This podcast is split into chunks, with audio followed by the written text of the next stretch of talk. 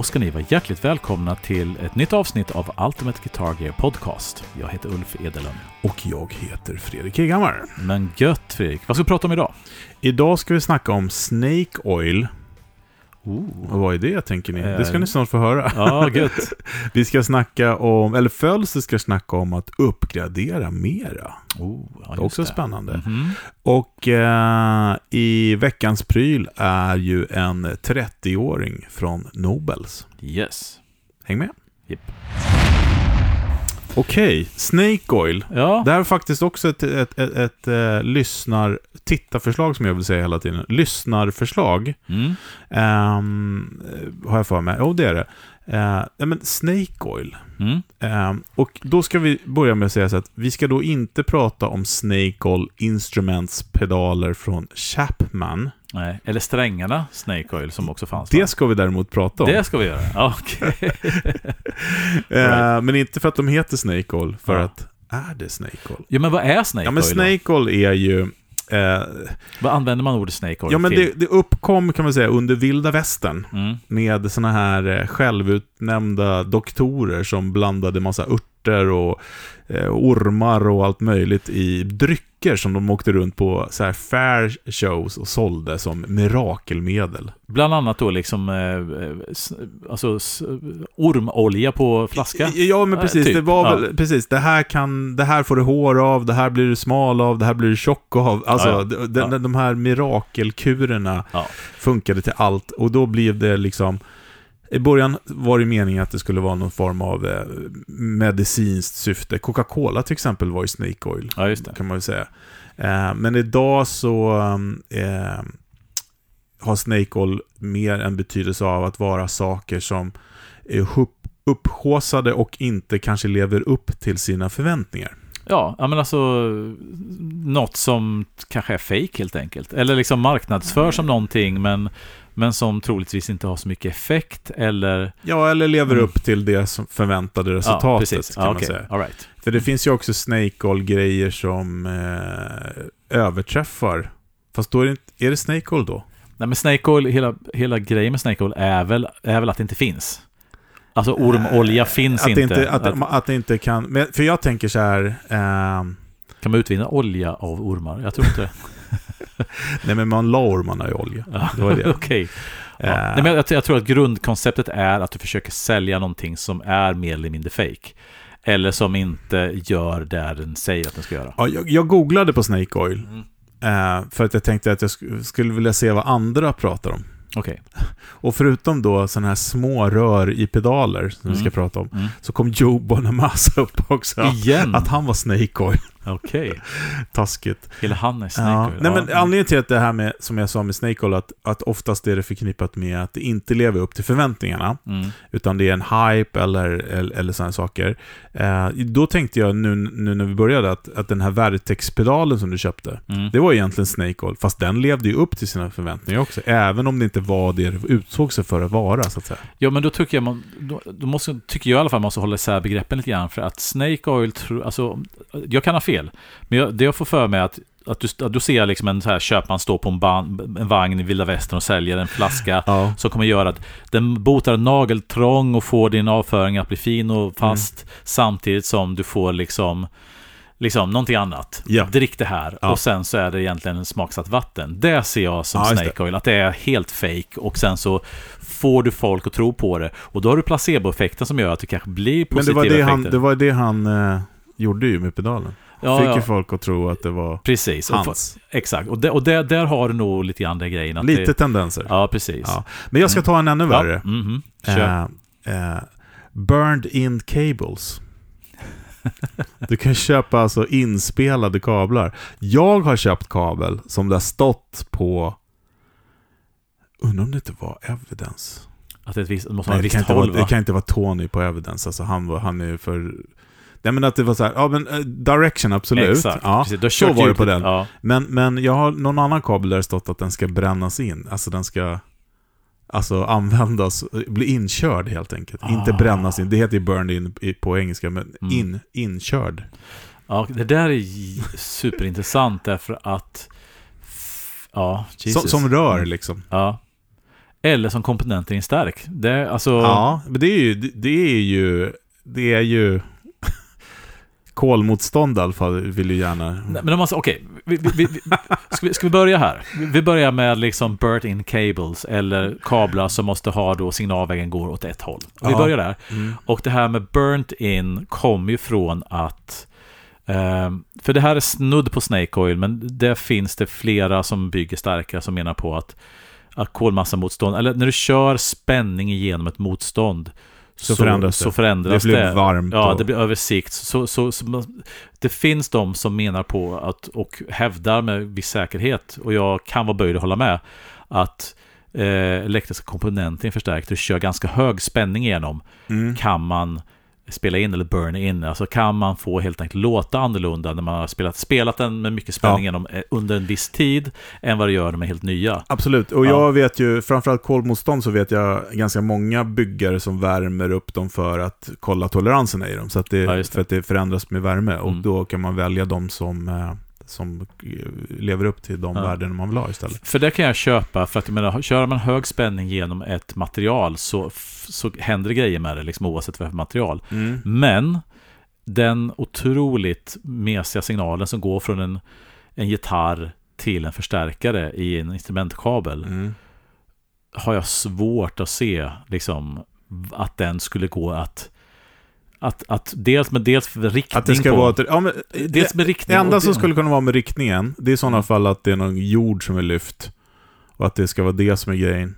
Ja, möjligtvis, men om det inte är det Ja. så, så, för Nej, jag, jag fatt, jag för jag fattar alltid att elektronerna rör sig en viss Ja. väg och Vi ska, också, vi ska också säga att när vi pratar om sådana här saker så är både Mm. du och jag ute på lite djupt vatten. Ja, exakt. Vi vet egentligen inte mer än att eh, vi tror inte på det. Nej, alltså, jag tror att det här avsnittet får bli mycket vad vi tycker och tänker om det hela snarare än att vi kan liksom Ja. vidimera det rent, eh, rent eh, vetenskapligt. Men jag har svår...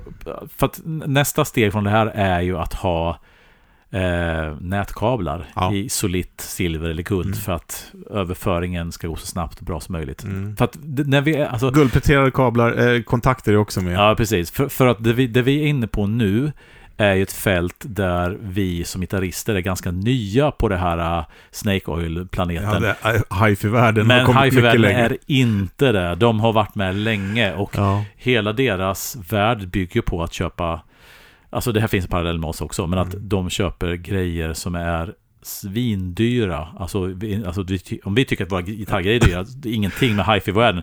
Och de lägger pengar på saker och ting som vi tycker är verkligen så här Men du, kommer du ihåg eh, Tune the Power Chords? Nej. Kommer du inte ihåg det? Nej, vad var Nej, det? det var, man kunde köpa alltså skitdyra strömkablar Mm. från jacket. Alltså som man hade förstärkaren. Mm. Som man satte in i jacket. Och det var alltid så här, men vänta nu, om det är dåliga kablar fram till jacket då, det, liksom, vad kan den här sista metern ha för betydelse? Ja, men alltså, alltså, prylen är så här att du för ju spänning eller ström till din stärkare. Det är ju ingen signalväg någonstans. Nej, nej, nej, men, Ja. men, men, ändå liksom att, att om jag då köper en, en kabel som ska klara av att bara föra igenom så sjukt mycket alltså det blir ändå begränsat vad som kommer fram till den kabeln, förstår du vad jag menar? Ja, ja. Alltså, Vägguttaget. Ja. Så Då måste du ju byta alla i huset också. du måste Så- köpa svindyra kablar ända Ja. fram till kärnkraftverket. Liksom. Ja, en annan väldigt upprörande Snake Oil-grej Mm. är ju Tonewood. Ooh. Och här har jag sett att det är, när jag gick in och läste om det här då, då så var det, eh, ja men till och med några som menar på att det inte var någon skillnad på gitarrer och trä och sånt. Och det har Ja, vi redan avverkat i den här podden. Det Ja. är det, punkt slut. Det är Ja. ingen Snake Oil. Mm. Men däremot så tänkte jag också, samma veva som de här eh, strömkablarna som jag pratade om nu, Mm, mm, så fanns det också att man kunde köpa Tonewood, mm. små träbitar som man kunde typ ha i fickan när man spelar. Kommer du ihåg det? Nej. Du kommer inte ihåg det här? Ja, men låter, det låter vagt bekant. Ja, men det, det skulle förändra tonen i rummet bara man hade en sån här liggande typ, eller i fickan när man spelar. För nu är du inne på det här med kristall och ja, liksom, men typ ja, så. Ja, Och liksom att det skulle svänga med på något sätt och förbättra tonen. ja. Alltså, faran med detta, när vi sitter och raljerar lite grann här, vilket vi faktiskt gör lite grann, är ju att, att man slänger ut eh, bebisen med vattnet. För att för att gränsen mellan där vi sitter och Ja, tycker ja, det är ja, helt ja. dumt i huvudet till Ja men det, Sanningen. det stämmer, Ja. är ganska tunn. Ja, ja, ja, och jag vet att folk som har testat det här och tyckt att det är svinbra. Ja. Eh, och sen, för någonstans måste man ju landa i, vilket vi är dåliga på, liksom vad är vetenskapligt rimligt? Mm. Att, att du kör hög spänning genom en, en, ett motstånd är ju Mm. mer rimligt än att du ska köra en, ett, en gitarrsignal genom en kabel att det ska påverka. Alltså, det ena rimligt, det andra är mer, rim, Ja. mindre rimligt, eller åtminstone så pass lite påverkan så att vi inte har möjlighet överhuvudtaget att höra det. Nej, så är det. Och, och det här med att ha en, en, en bit eh, Rio Jacaranda i brallan liksom. Or just happy to see me. den, men liksom, Ja. den, den, grej, den grejen känns ju mer som en så här lite snuttefilt. Det är skönt att ha en liksom, träbit i brallan än att det verkligen gör någonting. Eh, Ja. Sen att när du sätter den träbiten på en gitarr Ja, ja. så kan det hända Nej grejer. men det är som den där Fatheads, kommer du ihåg det? Ja, de ja, här men plåtarna precis. man kunde sätta. Det, Ja. vart ju faktiskt, det är ju stor, det är faktiskt, inte, inte stor skillnad, men det är skillnad. Så jag menar på att i hela den här diskussionen med vad som är Snake eller inte så måste man, det grader kan man tycka helvetet ibland liksom att vad är det för skillnad på det här då? Om det där funkar men det inte. Men vad är liksom, vad landar man i rimlighet liksom? Ja, men precis. Mm. Eh, true bypass. Ja men det är en sak. Alltså, Det, det kan vara, ja det är en Ja. sak, men det, kan, Ja. det är också lite Snake Oil ibland över. jag tror att, ja men... eh, Alltså det är ju en fysisk sak Ja, jag det är som, som, så mycket snake, som, som så mycket så här som man snackar om Snake Oil och liksom myter och sånt så sprinner det ju ur någon form av verklighet och någon form av sanning och har det blivit twistat. För att jag menar, True Bypass, när det blev det första snacket om det så var det ju för att då hade man precis börjat Mm. hitta pedaler som hade True, Bypass jämfört med till exempel gamla Boss-pedaler som hade en ganska kass buffer och sånt. Och då var det en grej, oj vad mycket bättre det lät. Mm. Men sen så gick det över styr, nu satt det liksom 15 stycken True Bypass-pedaler efter varandra Mm. utan buffer och då försvann ju de goda effekterna. Mm. Och det fattar man ju inte förrän efter ett tag att det var ju så det funkade. Och då Mm. kom hela buffergrejen och att du måste ha en buffer istället. Och, men jag tycker inte att True Bypass är... Nej, nej, inte så jag tycker, mycket jag tycker, jag Snake Oil. tycker, Men nu tar jag upp lite grann som Ja, pratar om. Och i samma veva som Mm. den så kom ju självklart då transparent overdrive.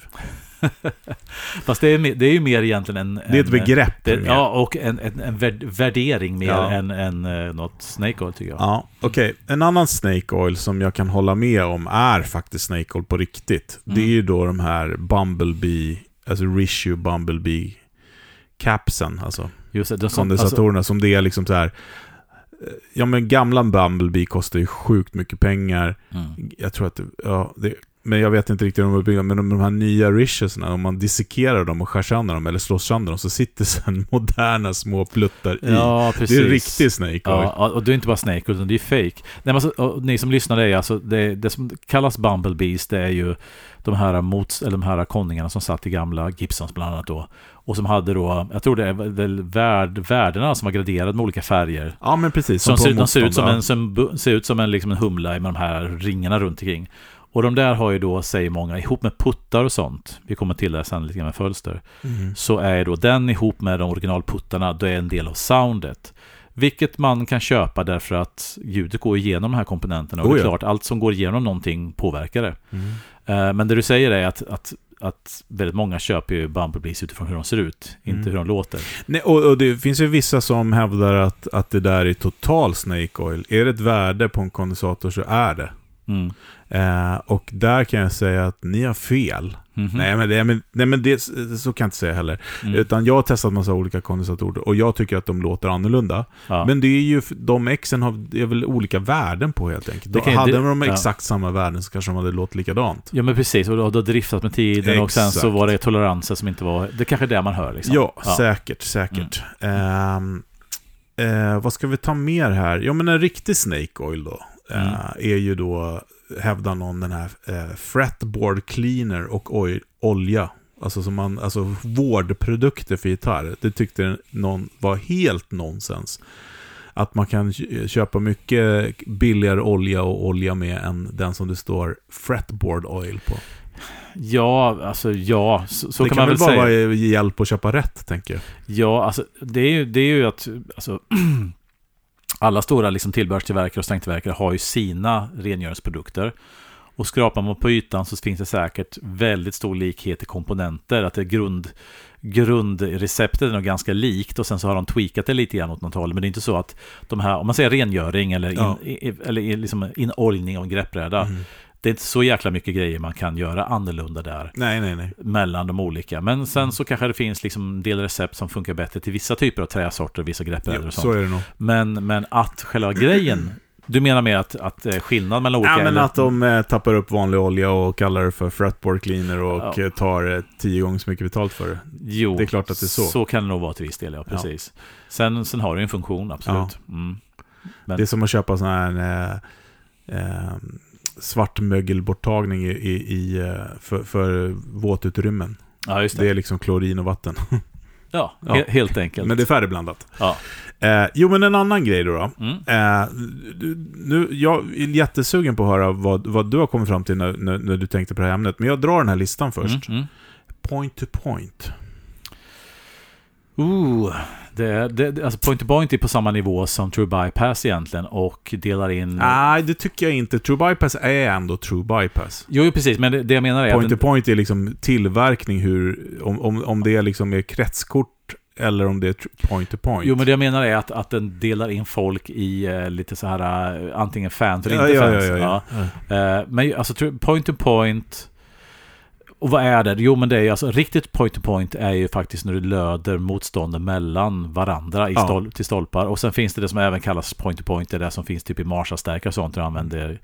Tor- eh, Torrets. Boards som du använder. Ja. Och vilket egentligen i, i uh, Die Hard-ögonen är inte. en- Man har inga etsade kretskort, eh, inga etsade Nej, det- liksom, ja. kabelbanor. Ja, helt precis. Det, det är väl det man säger. Det finns inga liksom sådana. Och jag tycker, det är lite här känslan av att ha en stärkare som är point to point känns gött.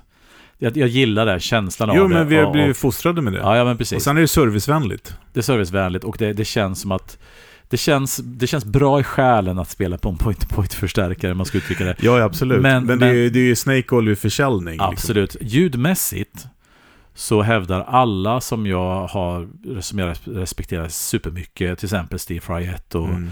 alla de som har hållit på jättelänge med just förstärkt Mm. design och har testat båda och gjort riktigt vetenskapliga experiment. Alla de hävdar att ett väl gjort kretskort, alltså ett högkvalitetskretskort, Ja, som inte sitter på en cheap och knock-off från Kina, nej. utan låt oss säga Bogner, Fryett eller Soldan eller Mm. någonting som har gjort det riktigt. Olsson. Olsson, som gjort det skitbra. Där finns det ingen möjlighet att höra skillnad. Nej.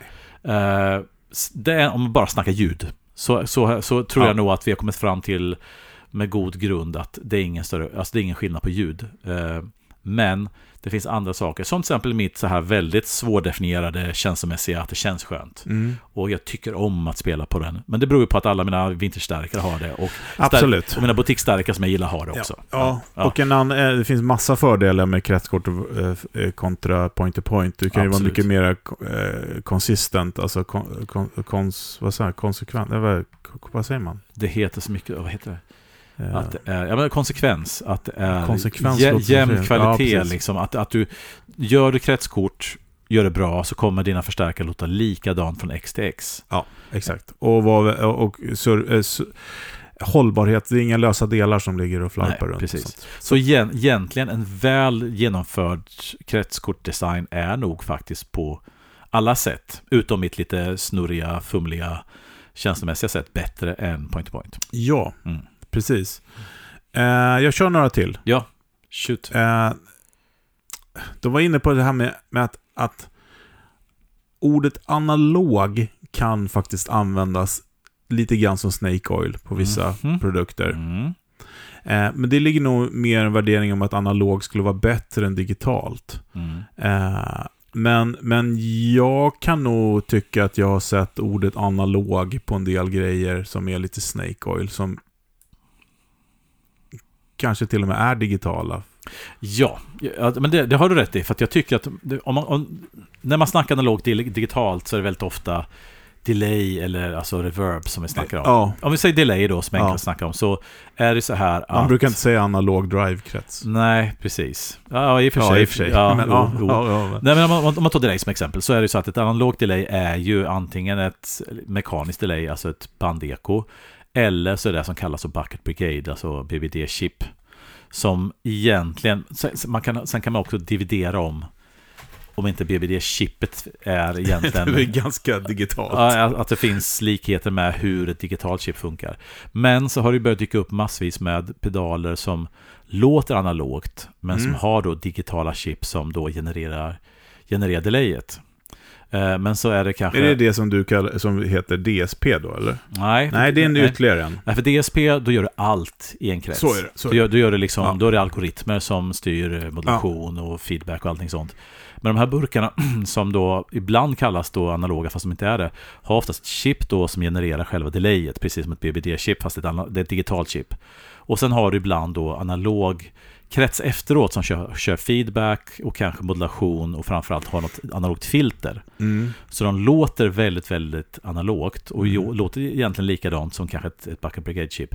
Bara det att de är egentligen i grund och botten digitala, för det är, Just så, det. det. är så delayet genereras. Och där känner jag ibland att det finns massvis med sådana digitala burkar som då ofta kallas analogt. Mm. Och, eh, och egentligen skitsamma, för att det har ju inte med hur de är gjorda, utan hur, kanske hur de låter. Ja. Och i mitt, det jag vill komma till är att de här kretsarna som vi snackar om med filter och feedback och allting sånt, om de är analoga så kvittar det nästan vad som genererar delayet för de som shapar delayet. För det enda chippet gör ju är att fördröja signalen och skicka ut det och sen de andra grejerna är det som shapar det, hur liksom svansen knycklas ihop och sånt, har ju med filtret att göra. Just det. Och det är ju skitsamma om då att Mm. grundchippet är digitalt eller inte. Mm. Eh, men så, ja, Ja. precis. Mm. Nej men så att eh, analog eh, kan vara lite snake oil då om det används på fel sätt helt enkelt. Ja, och, och det är inte bara Snake, det är felaktigt. Och, och Snake är ju då Ja. oftast fake. Ja, precis. Men, Ja, men en sista grej på min lista då. Mm. Eh, en, är ju då eh, sån här minirör i pedaler. ja, Eh, och det är många som tycker att det är Snake Oil. Eh, och det är framförallt då sådana rör, nu pratar jag inte om som typ Hellec eller Page-pedalerna. ja, just det. Utan som, som går Eller på Valbruch. Ja, som är liksom högspänning höll jag på. Ja. Eh, utan de här som kör kallt då helt enkelt. Valtronics. Eh, Vox bland annat va?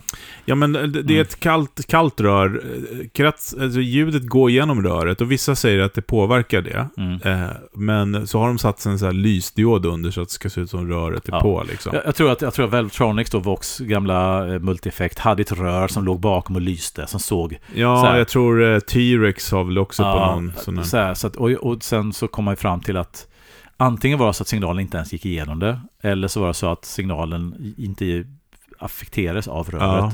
För som du säger, det var för låg spänning och massa andra saker. Mm. Och, då, och då är det ju klockrent Snake Oil. Ja, Då är det verkligen så här att då har du något för syns skull. är det rör så låter det bättre. Ja, men det är ju så. Det tilltar ju det här klassiska. Det har ju försvunnit lite grann därför att den yngre generationen bryr sig inte om det finns rör eller inte. Det är snarare tvärtom. Nej. Liksom så. Det är vi gamla gubbar som Ja. tycker att det är gött med någonting Ja. med, med rör. Eh, och Nej, men och det är gött med rör. Mm. Eh, om det används som det ska och skjuts igenom rätt spänning i det så, Mm. så att det händer saker. Transienter. Ja. Nej men alltså rör i pedaler kan vara Snake Oil, framförallt för ett tag sedan. Så. Ja. Eh, och ja, och, och, och det fin- och det som, det som är lite generellt för oss gitarrister att vi ibland köper så mycket fake eller Snake Oil liknande saker är ju att därför att det är så känslomässigt styrt det vi håller på med. Mm. Men har du råkat ut för det själv någon gång? Alltså att du har gått på Snake Oil?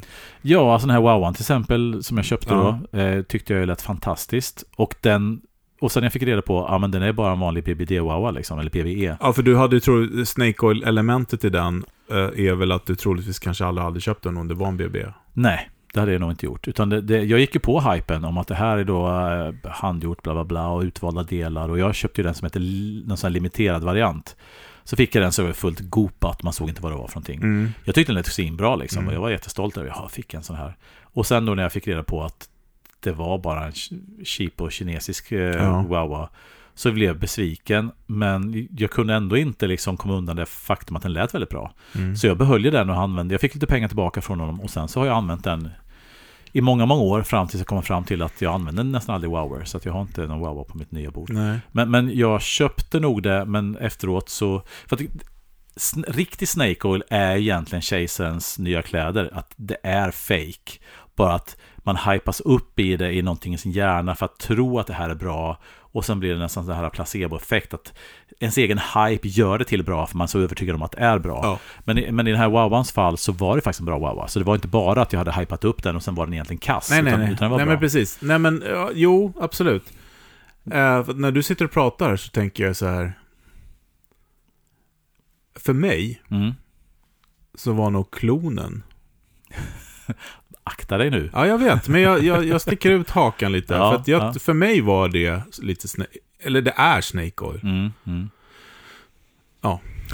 Ja, fast ja, jag håller med dig lite grann i den mån att jag tycker att det som den gör bra hade jag ingen större användning av. Och jag tyckte att den gjorde för lite för att motivera även då till att börja med. Jag ska säga så här, när vi köpte våra så var det inte Snake Oil. Då var det en bra pedal. Ja, och Men- det, den fortfarande, när jag har testat de här lite på senare år så är det fortfarande så att den har någonting coolt när man använder den som clean boost eller med lite gain, vilket är det jag tycker är bra. Men det finns andra som gör det minst lika bra och som är mer användbara, som har större range och mer sweet spots. Mm. Eh, så jag tycker att jag tycker det är lite orättvist att kalla det Snake ja, Oil. ja, ja. Men, men, Jag men, provocera men, lite. men att den, ja men precis, och jag förstår vad du menar när du säger det, men Ja, men för jag Mm. kan inte tänka mig något annat så här som jag har eh, liksom... Eh, nej men vi var inne på Snake, Snake Oil-strängar. mm. Eh, din Farley, eh, våran bekant, eller vän. som kallar sina strängar Snake Oil. Ja, precis. exakt. Ja, mm. Precis. Som på sätt och vis var Snake Oil, för det var ju inte Snake Oil, det var ju Scalar. Det var ju liksom ombrandade strängar. Så, det Fast det var väldigt bra strängar. Men de var väldigt dyra. Alltså det är ganska mycket, då har man ganska bo, stora balls om man, man tar ett etablerat märke, brandar om det och kallar det Snake Oil. Ja, exakt. Och folk går på det. Nej, inte gå på det. Alla visste ju att det var det på något sätt. För att han, Men visste du det? Sa ja, han- men han han var ju en del av Scalar och sen så... Mm. Ja, men jag köpte Snake Oil-strängar och fick hem Scalar. Okej. Bland right. annat. Så att egentligen kan han bara distribuera det. Ja, men, men ja. de hette Snake Oils, var lite roligt. Men Ja. däremot så har jag faktiskt nyligen fått reda på, och det här kände inte jag till, Mm. att det finns jättemycket fake-strängar där ute till salu. all right. Eh, och det här uppdagades för det är en, en person på de här gitarrforumen som säljer strängar billigt. Mm, mm. Eh, och har kommit på en jättebra affärsidé. Jag köper strängar billigt någonstans och säljer lite, alltså billigt men Mm. gör, gör sin hacke helt enkelt.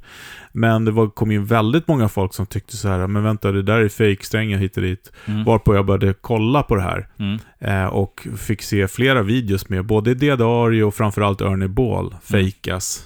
Aha, right. Eh, så det är väl tyvärr sådär som man brukar säga, är det för billigt så är det för bra. Ja, Eh, Mm. För att eh, tydligen så finns det just strängare och fast massa videos där man kan titta på hur man ser skillnaden och hitta dit och mm. Eh, ja, jävligt dumt och läskigt tycker jag. Ja, och, och frå- men frågan om det är Snake Oil... om Nej, det är inte Snake Oil, men det var bara en parentes. Ja, var- precis. var- Ja. Men, men, men eh, ja, alltså, då kommer vi in på med så här favoritgrejer. Det är strängar och plektrum. Plektrum ja, precis. Och eh, ja, men ni som har lyssnat på podden vet ju precis var jag står någonstans där. Jag har ju liksom i möjligaste mån undvikit att ha favoritsträngar och ha favoritplektrum.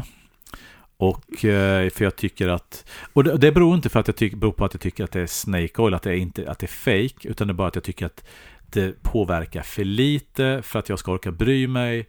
Och det är mäckigt om jag hamnar i ett läge där jag måste ha vissa typer av Ja. tillbehör. Att jag har min favoritgitarr, fair enough, eller mina favoritpedaler och min stärkare. Mm. Eh, men att ha då ett plektrum som kostar 85 spänn som jag tappar bort och måste köpa ett nytt för 85. Du menar som du har nu? Ja, exakt. precis.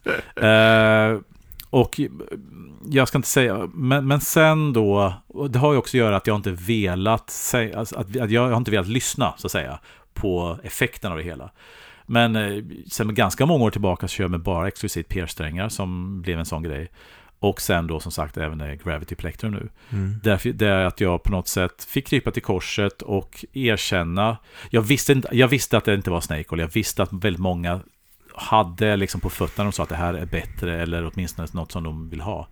Men jag vill inte gå dit. Eh, Men nu är jag där. Och eh, ganska glad efter att jag var där, att jag är där. Ända fram tills att jag tappar bort grejer som jag absolut behöver, behöver ha, så att säga. Ja, men Mm. precis. Eh, Och, och då kan jag inte gå in och köpa mina extra heavy Fender som jag alltid haft eh, innan. För att det här låter inte känns lika bra som det andra. nej. Och då, då undrar man så här, kan jag suggerera mig själv till att skita i det jag upplevt och sen bara gå tillbaka till att använda det här sås och potatisgrejerna bara för att det är mer praktiskt. Och ha, jag har svårt att se att hur jag skulle kunna gå tillbaka till det. Faktiskt. Jag, jag, och än en gång, alltså, vad, vad tycker du om det där liksom? Men du har ju också varit där med dina Ja. Stringjoy och Gravity också. Ja, men jag tycker Stringjoy är inte Snake Oil och Gravity Plectrum är inte heller Snake Oil. Nej.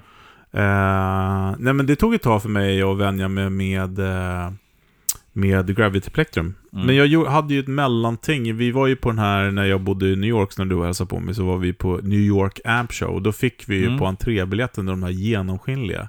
Just det. Var det Gravity? Nej, det hette något annat va? Uh, vad var det? Nej, det var de här, vad heter de nu?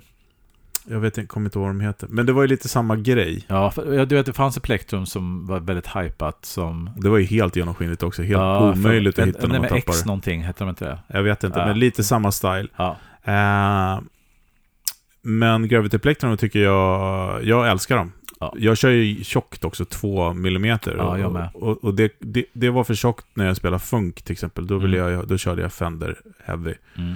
Eller ja, kanske det. Sen i många år så var ju mitt favoritplektrum den här som man fick av Fredholm på mässan.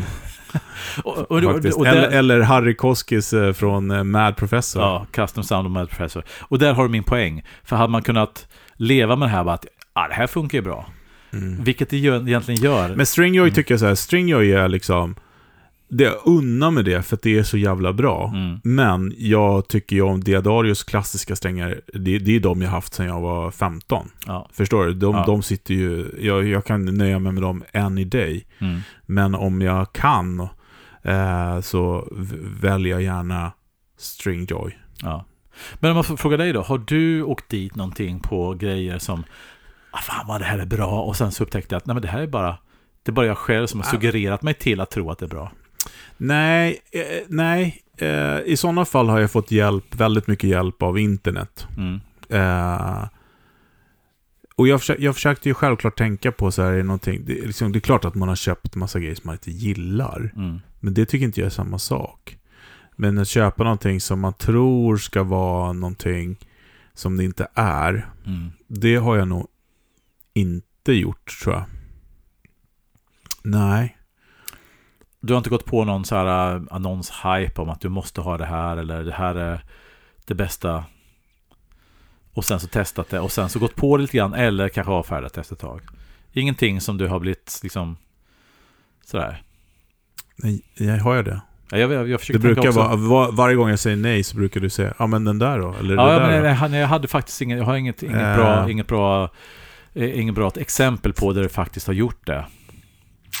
Jag försöker tänka här lite grann. Nej det, alltså, nej, det rör sig mer om smakgrejer liksom. Mm, mm, Det är klart att man har köpt en gitarr som man tyckte var Snake Oil, men som för någon annan är, har varit helt magiskt. mm, Eh, och sen så är det ju så att jag är ju lite så här, jag är oftast...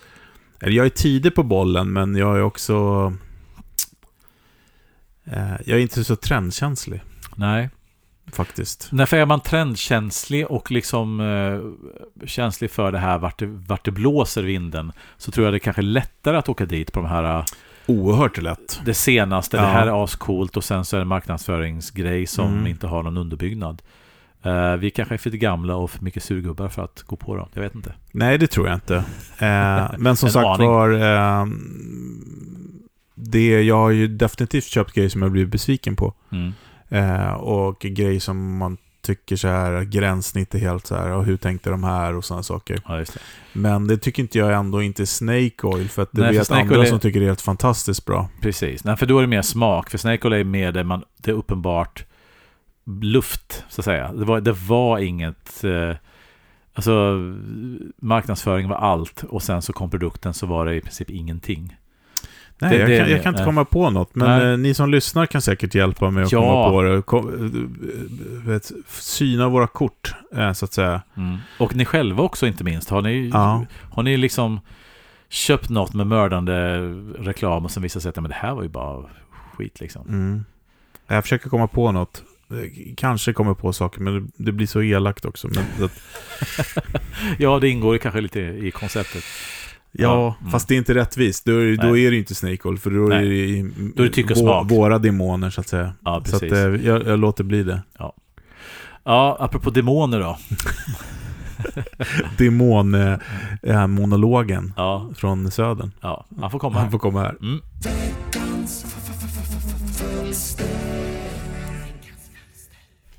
Sådär, ännu en vecka, ännu en fölster. Att uppgradera våra gitarrer är lite utav en sjuka.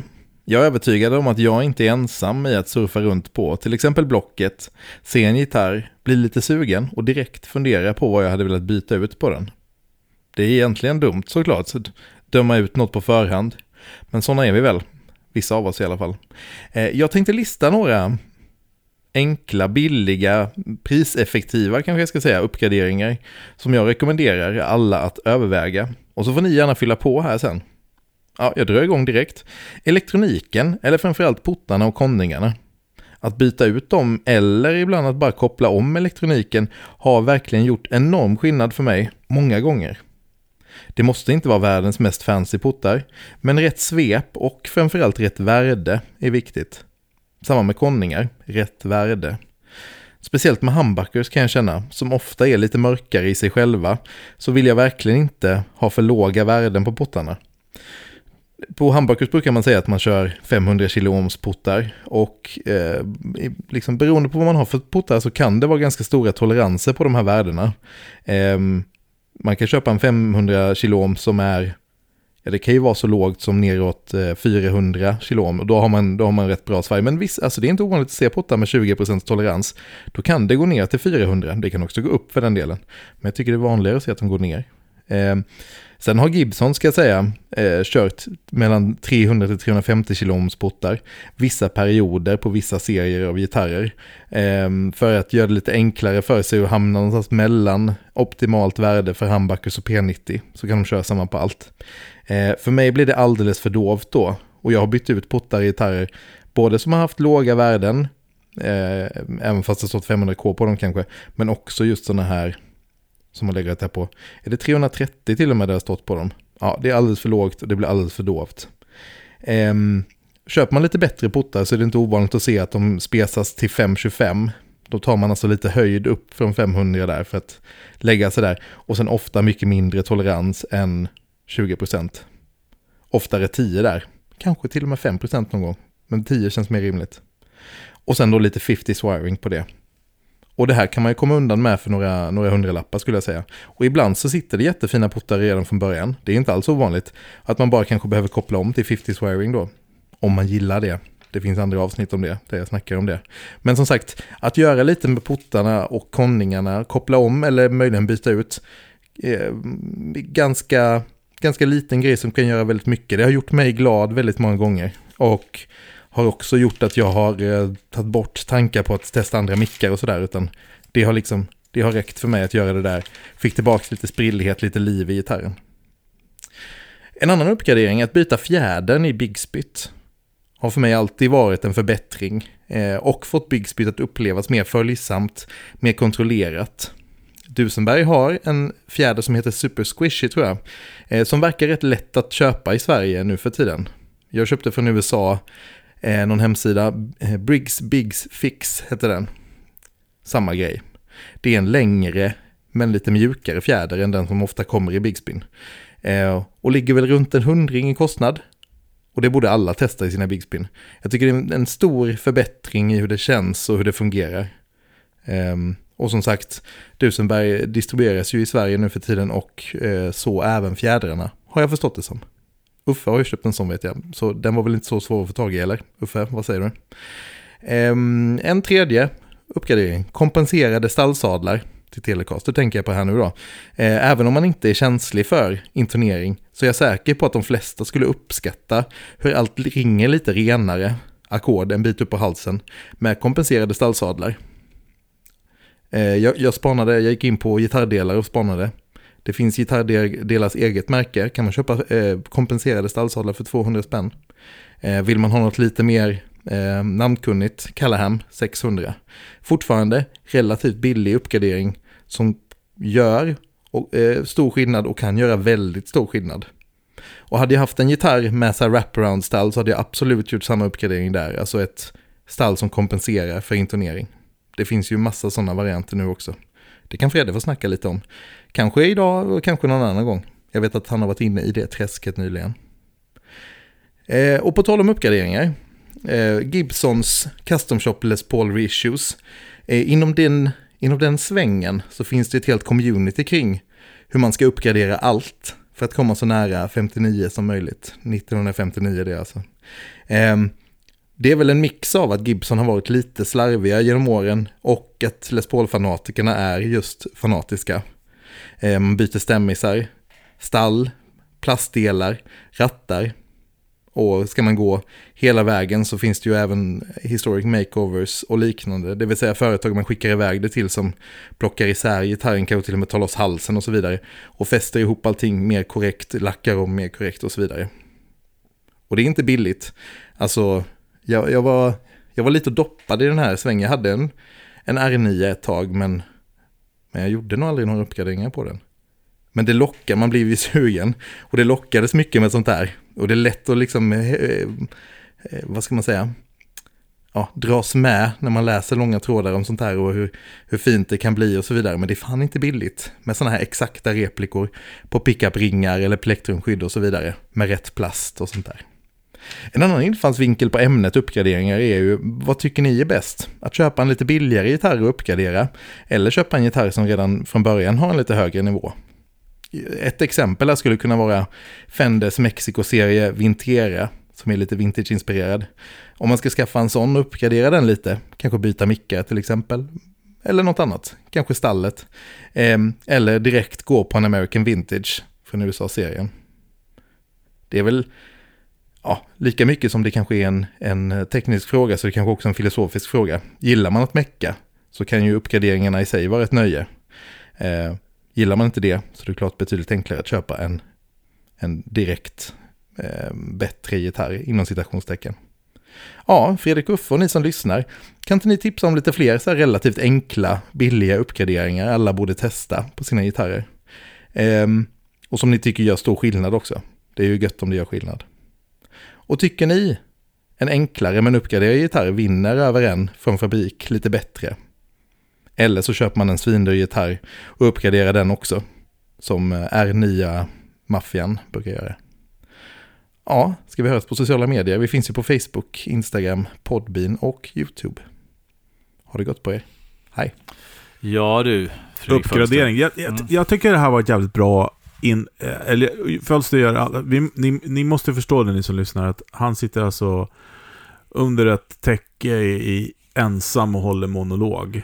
Vilken, alltså, du är en kung Fölster. Ja, det är du faktiskt. Det, det, jag har gjort det en gång när Fölster var sjuk eller borta. Och det, det, jag kommer ihåg att jag andades inte på sju minuter. Det var Nej, jävligt jobbigt. Det är en konst det där. Vi, vi, vi, vi är fulla Vi är ändå av... två som sitter och tjatar. Ja, eller hur? Precis. Ja, alltså det, det vill jag börja med att säga. Men jag tänkte på det där, för att jag är ju in, har ju varit inne i det här lite grann med att jag...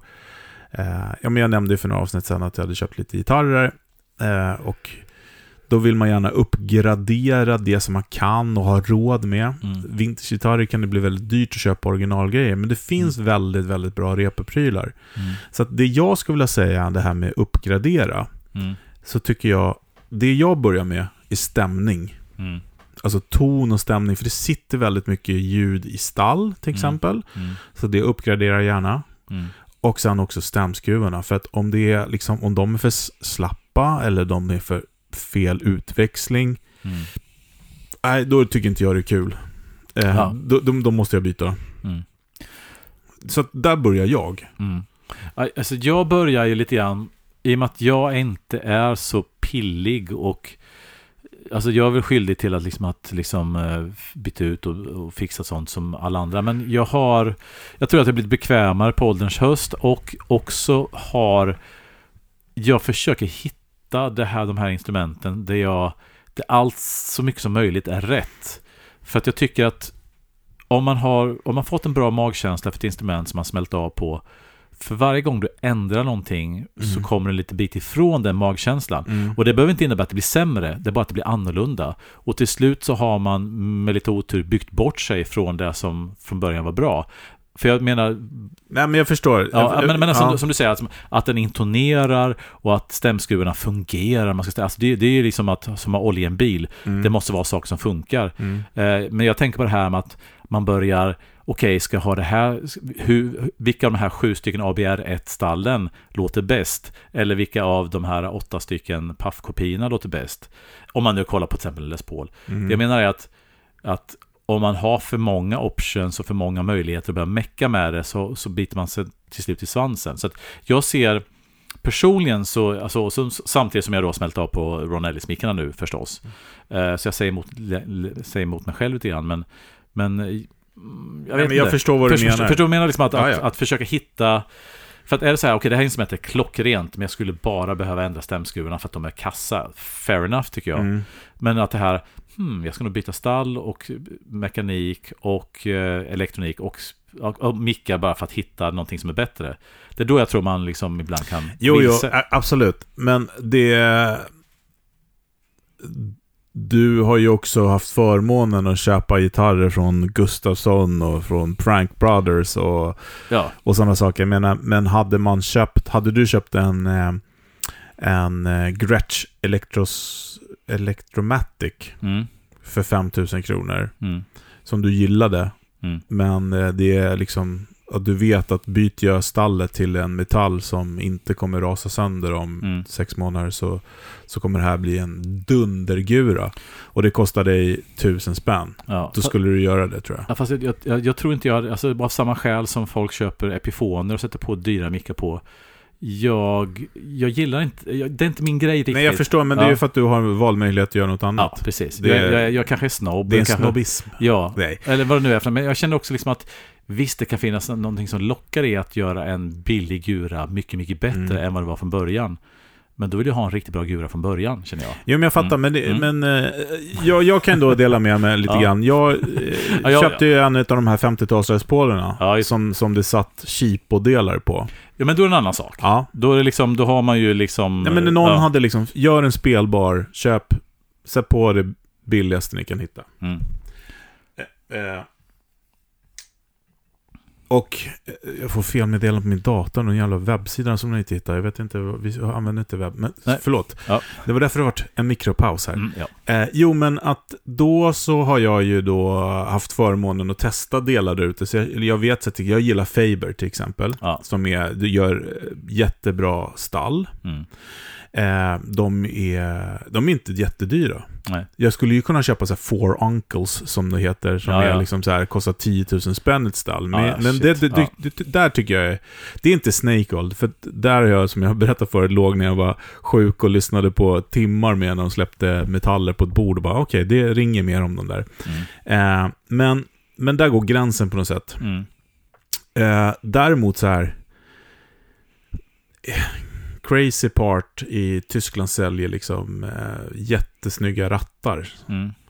som är då eh, åldrade. Mm. De kostar 1800 spänn för fyra rattar. Mm. Eller 180 euro till och med. Det är Mm. ännu mer. Ja. Där går gränsen för mig just Mm. nu. Mm. Eh, för det, det tycker inte jag är värt. Men du har ju köpt plast för massa pengar till en gitarr en gång i ja, tiden. precis. Eh, och det är du jätteglad att du gjorde. Ja, för att jag tyckte, jag, jag vill, jag tyckte, nej, jag vet inte. Men ja, kom igen nu, det var Oskar, min kompis, som sa det kommer bli skitsnyggt. Så, Nej, jag bryr mig inte om det. Och sen när jag gjorde det så blev det bättre, det blev Ja. snyggare. Ja, men- Och eh, gitarren föll på plats lite grann. Eh, så att, alltså, jag säger inte att jag är emot det. Jag, tror, jag tycker, och det du säger att ha en fin gitarr, alltså en gammal vintage-gitarr gitarr till och med, där det sitter fel grejer på så att säga. Det är klart man vill liksom hitta så bra grejer som passar ihop med gitarren. Ja, ja. Så det, då, då försöker du lyfta någonting som redan Mm. är bra. Mm. Det jag kanske lite grann så här, det är att den här polerar det här, liksom, Mm. Ja, liksom- men jag fattar. Jag, Mm. Men eh, ta den här senaste gitarren köpte då som eh, wraparound, eh, som, jag, som jag nämnde i segmentet innan här, att man, Mm. köpte ett sånt Music City-kompenserat stall då, då, som gör att eh, gitarren kommer stämma mycket, mycket bättre. Yes. Den köpte jag ju innan jag ens fick gitarren. Mm. Bara för att jag vet att jag vill ha ett sånt på. Ja. Eh, för att det kommer ju öka spelbarheten på den helt enkelt. Men du har ju med funktion... Och det är en uppgradering. Ja, precis. Absolut. Ja. Lika väl som... Eh, eh, ja men eh, pottar, alltså volymratt, eh, inte rattar, volymputtarna. Heter Mm. det potentiometrar? Potentiomet- Heter ja, ja, Pottar, precis. Eh, det låter så fånigt att säga pottar. Ja, puttar. Pottar. Utan potentiometrarna. Mm. Eh, Där finns det med olika svep. Ja. Och det är också en sån sak som jag skulle kunna tycka, så här, om man har liksom inte får till riktigt lägena så där som man vill ha det, så kan det ju Mm. vara värt att köpa det. Ja. Ehm, faktiskt. Eller ett par schyssta kondensatorer. Och även om vissa tycker att det är Snake Oil, så finns Mm. det faktiskt vissa som låter bättre än andra, tycker Ja. jag. Det kanske är för att värdet är jämnare. Ja. Inte, vem vet? Ja, jag vet inte. Alltså, jag, jag, det kanske bara är min, min rena bekvämlighet och också det här med att jag med erfarenheten vet att ändrar man någonting så blir någonting bättre men man tappar någonting annat. Så att jag, jag vart igenom det när jag bytt och fixat och donat och sen så slutar det med att jag mest förvirrad. Är det här bättre eller inte? Ja, men det var nog annorlunda. Men är det bättre? Ja, jag vet inte. Annorlunda blev det. Mm. Så att jag, det, är jag, för mig är det svårt att och landa i Ja, men, ja, i och för sig, när jag byter en grej som Ellis-mickarna till exempel på min Les Paul telen, då märker jag oj det här blev mycket bättre. Eller vad jag tycker var Ja. bättre. Eh, men då hade jag inte gjort någonting annat och då är det lättare, alltså isolerar man grejerna så här en Mm. åt gången. Mm. Men om du ska byta stall och byta mickar och allting på en gång, Mm. då kan det hända konstiga saker som du inte riktigt vet Mm. vad, det, vad är hönan och vad är ägget. Eh, men eh, ja, ja, men det här är intressant. Helt klart. Nej men absolut, man får, nog, man får nog vara beredd på att låta sig överraskas. Ja. För det är svårt att veta. Sen kan jag säga också med erfarenheten som kommer med att man håller på med grejer som, som vi gör så kan jag ju veta när en gitarr kommer bli svinbra med nya band. Mm. Det har man ju en känsla av Mm. redan innan så att säga. Mm. Eh, men uppgraderade gitarrer tycker jag, men man får tänka på också när Alltså när uppgraderingarna blir liksom dyrare än själva gitarren. Mm. Att man kan ju fundera på vad man ska hålla på med. Men å andra sidan, är det, den, är det din favorit och du ska hålla på med det, du får, man får göra så precis som man vill. Och sen finns det också, tycker jag, skillnad mellan du beskriver ett stall som då intonerar eller som har bra break angle eller som du sa, band. Då är det funktion som för vissa har med ton att göra och ljud att göra, men det har en funktion i första hand. Eh, jag tycker det är mycket enklare att förhålla sig till än när jag ska byta konningar eller byta mickar, för då är det mer hur låter det? För att det är ett rörligt mål på annat sätt. Nya band eller en stall som intonerar är inte ett rörligt mål, utan det är en funktion som är Ja. ganska enkel att definiera. Mm. Och den, de grejerna tycker jag är enklare därför att de är just enklare att definiera. Mm. Och det andra är svårare därför att jag Mm. går väldigt ofta vilse i ja, hur lät det förut? Det kommer jag inte en aning om. Mm. De här mickarna låter bra, men låter det bättre än förut? Mm. Nej, det, det vet jag. Jag kommer inte ihåg hur det lät Nej. förut. Nej, så- men, ja, precis. Men, och det här med att byta mickar, det tycker jag man ska först testa. Det har vi sagt förut, att prova att justera mickarna, höjden Mm. på den och se om man kan få Ja, ja. till ljudet ändå. För ibland så eh, kan det räcka. Eller vrid lite grann på kanske EQ på förstärkaren eller pedalen. Kanske det, kanske det. Ja, men, alltså, men stämning ja. som sagt var Mm. tycker jag är jävligt viktigt. Sen så är det ju utseende. Jag menar, där är, ju, är man ju fåfäng och vill man ha ett uh, turtleskydd så vill man ju liksom. Ja, ja. Ja, men precis. Det är Ja, bara smak och tycke. Ja, men precis. Och då, men, ja, exakt. Precis. Så att eh, uppgradera på ni tycker jag. Det är Mm. kul. Eh, sen, Testa er fram. sen behöver man ju inte liksom ge sig på de mest vitala delarna direkt. För de, de brukar kosta pengar. Ja, och det, där händer det mest Och det blir grejer. inte alltid bättre. Nej, precis. Eh, faktiskt. Jag, jag, jag bara en liten anekdot där. Mm. Eh, då när vi eh, höll på med Ultimate Guitar Gear som webbsida och åkte runt på mässor och sådana grejer. Så, Mm. så eh, f- fick vi tag på eh, Titanstall Mm, just det. från KTS, hette Mm. det. Eh, och då satte jag det på min tele. Mm. Och då kom jag ihåg att den gitarren varit snorbra Mm. med det. Medan jag läste ett andra som tyckte att det, var, att det inte var så bra. Mm. Eh, och det jag tänkte på, på på min tele när jag satte på den, att det, de klack, det var bara stall, stall, Klackarna. klackarna. Ja. Mm. Att de gjorde allting som gitarren hade Mm. mer av. Just det. Den tog fram mer av gitarren. Ja. Så att hade man en gitarr som kanske hade något missljud eller något, någonting som man inte gillade, då blev det mer av det. Ja, och då ja. förstår jag att man inte gillar det. Man får med sig allt. Ja. Min gitarr vart det bara mer av allt som redan var bra. Det satte lite grann förstoringsglas på grundljudet. På Ja, sig. precis. Mm. Mm. Det vart som en Sonic Maximizer. Oh. Ja, det är intressant. Mm. Mm. Men, eh, ja men eh, visa era pimpade gitarrer vet jag. Ja, eller, eller vad brukar ni ge er på först? Är ni en sån som beställer delar innan ni ens har fått gitarren? Eller hur? hur eh, Precis. Och berätta gärna när ni gått i mål. Det här blir bra. Och när, även när ni har missat. Det var kul att höra vad ni har gjort för någonting där. Så kör vi veckans pryl. Ja, det kommer här. Veckans pryl. Ja du Fredrik, veckans pryl. Ja, spännande. Det här är ett återkommande inslag va? Yes. Ska vi se om vi har lite ljud i grejerna till att börja med. Och då har vi förstås då den berömda tysktelen in i våran Universal Audio eh, 65 Dream. Dream 65 heter den. Låt så här. Ja.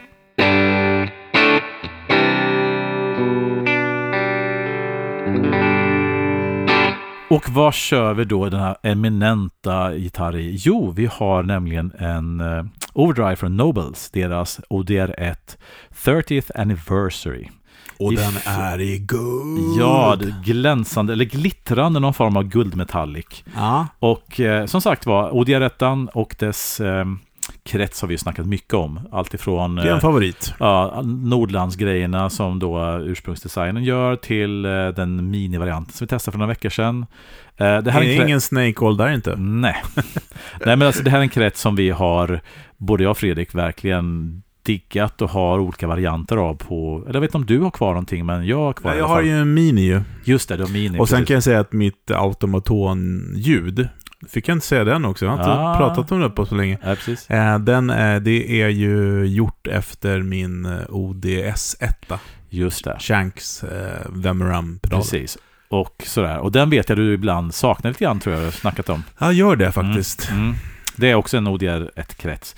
Men i alla fall, den här är ju då en eh, limiterad pedal, tror jag i alla fall, har jag för mig om. Och vad skiljer den här från en vanlig ODR1, som alltså normalsizen? Och det är väl egentligen en stor grej då, om jag förstått hela, det är att den har en base cut. Det är nämligen så här att väldigt många som använder den här pedalen, som då inte kör en tele, eh, typ alla Nashville som kanske kör en handbackegur eller någonting annat, brukar ibland tycka att den har för mycket bas. Ja, det är ju, eh, det är ju liksom två läger. De Mm. som gillar den Mm. och de som tycker att den har för mycket bas. Ja, Eh, och till de som tycker att det är för mycket bas, så kan jag säga, våga lita på att det hörs ändå. Ja, och grejen är så här att, att den har mycket bas är ju en del av soundet. För att ni säger bas, jag skulle säga att det är lika mycket låg-mid som det är bas. Ja, verkligen. Om man nu ska kolla på en, liksom en eh, EQ. Eh, och den här liksom lite bas, eller lågmidden, är ju det som också ger stödet. Det är det som gör att en singelkogura låter så fett. Och, eh, men vi ska, vi ska ratta lite grann här och lyssna. Och vi börjar med att ställa då driven på klockan 9, alltså ganska lågt. Eh, Spektrum-ratten som också ska kanske förklaras är ju inte bara en tonkontroll utan den tar både diskanten och basen. Vi får demonstrera det helt Ja, enkelt. precis. Och sen så då har vi, så vi har den rakt upp, vi har level typ rakt upp och eh, hittar någon form av liten Unity-liknande. Om du tar först då tysktelen in i Dreamen och där så drar jag igång pedalen. Lite fetare, direkt får man Ja, lite grann mm. Inte så mycket mer skillnad förutom just det liksom. Ja. Utan igen. Med.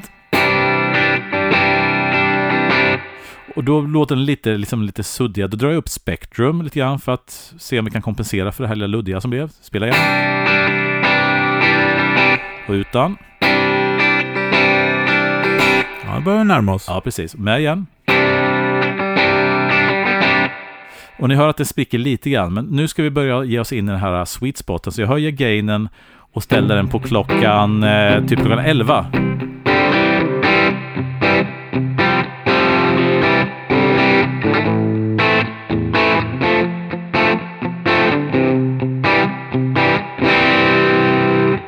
Ja, och Jag skulle nog vilja ha mer topp alltså. Ja, men då höjer vi spektrum lite grann där.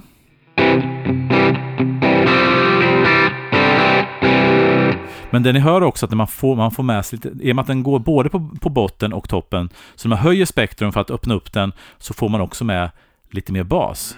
Och det jag, men vi ska, vi, vi gör så här, innan vi, innan vi gör det tricket så tycker jag vi går tillbaka till ställen klockan 12 och sen kollar vi lite gain range. Nu är vi uppe på klockan 1.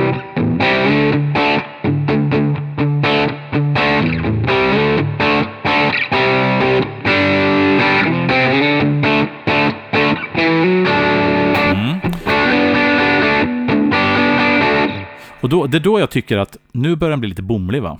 Men om man då tar då basecutten och går från icken, inte någon skära någonting alls, upp till, säg till klockan, klockan 10 då.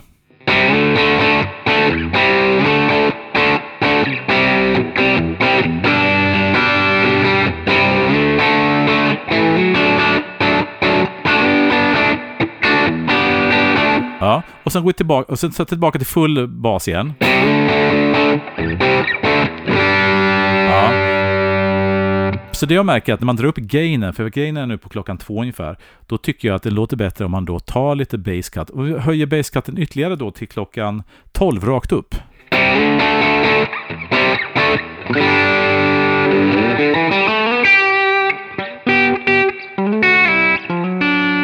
Försvann lite grann av kroppen så att jag tror att man måste sänka den lite grann.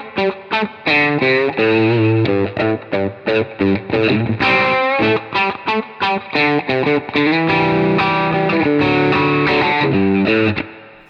Nu ska vi testa ett annat trick. Om vi då höjer spektrum för att öppna upp den lite grann.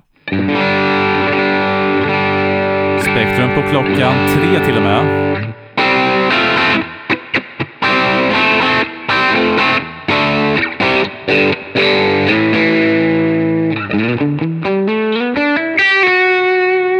Det man kan göra då är att dra upp då bas, basecutten så man skär basen. Man får lite mer bas med spektrumen. Så att vill man då, det är ett trick man kan göra, vill man då få lite mer topp eh, men, men inte så mycket bas, vilket spektrum ratten för med sig, då kan man faktiskt skära på basecutten så man kompenserar den här baspucken som blir.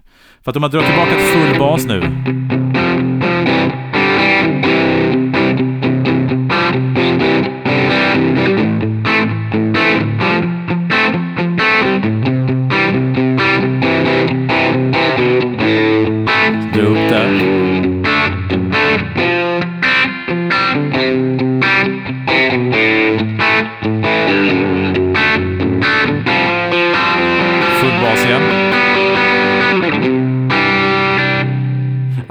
lite grann av magin ligger trots allt i den här lilla bas, basigheten, eller hur?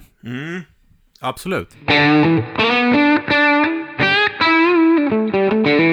Kör lite halsmyck också. Ja.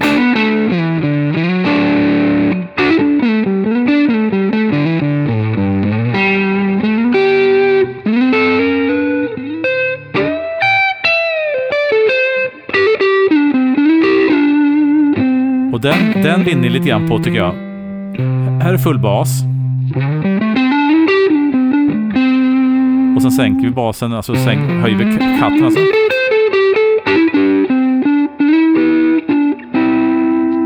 Eller hur? Det, det, det, det fick ju halsviken lite mera kärna.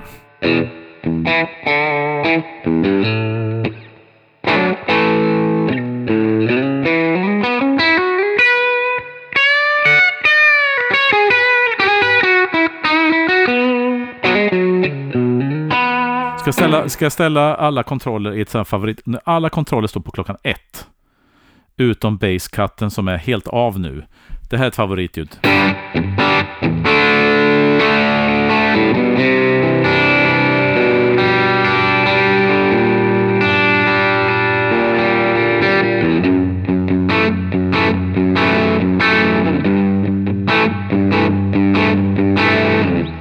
Om du test, test, Mm. tänk att testa och sänk volymen till klockan eh, 7-8 på eh, gitarren.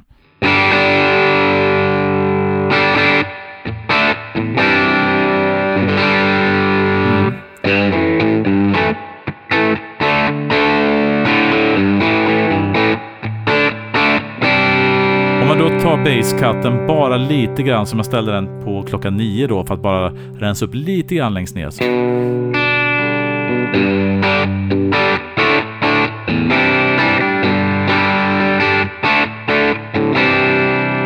Absolut, absolut. Jag kan ju tycka att det som Nordlampedalerna är så bra på det är för att det har en midratt också utöver spektrum och en basecut. Så där har du mer kontroll över mellanregistret. Eh, men jag tycker att Kan vi testa full gain någon gång? yes,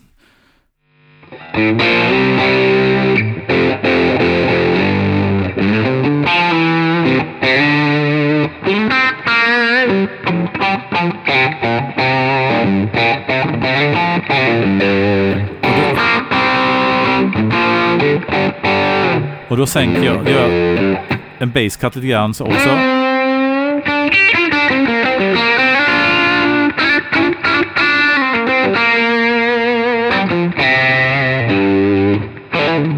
Alltså basscutten är väldigt användbar, framförallt om man ska köpa lite högre gain-nivåer, för att den cleanar upp i det här lite... För att har man på full gain som jag har nu så kan det bli lite väl komprimerat och lite luddigt. Och då drar man bort lite grann bas så får man tillbaka lite grann attack och lite mera pregnans i tonen. Pregnans. ja, precis. Det Ja. låter som det blir fetare då ju. Ja, ja, ja, men, Rundare. Ja, men... men Ja, ja, men bra. Kul. Mm, mm. Eh, så Nobles Overdrive ODR 30 Anniversary. Ja. Den är cool faktiskt. Den, Ja. har, den har det här eh, ODR, Nobels ODR-ljudet rätt av liksom. Fast, Och då eh, önskemålet om basecut som så många vill ha. Ja, som då dök upp på denna. Så in och shoppa. Finns på börsen va? Ja, eller hur? Ja. Men hörni, eh, tack för det här. Eh, och är det någon av er som har, vilken är er favorit ODR-krets då, om man säger så? Vad, eh, vad använder ni som kör den här typen av eh, prylar? Så vi vill höra det i sociala media. Det vill vi Mm. absolut göra. Eh, och vi ska också säga att eh, eh, vi hoppas att ni har haft en god jul. Ja, det är precis. Eller vi önskar ett gott nytt år helt enkelt. Ja, men det är så pass. Ja, det är ja, så pass, ja, precis. Nu har vi passerat jul. Ja, Eh, och, och ni ligger och eh, smeker era nya leksaker som ni kanske har fått i, i jul. Ja, Vem vet? Något oh. gitarrrelaterat kanske? ja det... Oh, Eh, så ska vi önska er ett gott nytt år, helt Ja. enkelt. helt enkelt. Eh, och så kommer vi eh, tillbaka med en årskrönika Ja, i början på januari. här. ja, helt klart. Mm. Kul! Ha det gött hörni. Ja. God fortsättning. Gott nytt. Ciao! Ciao.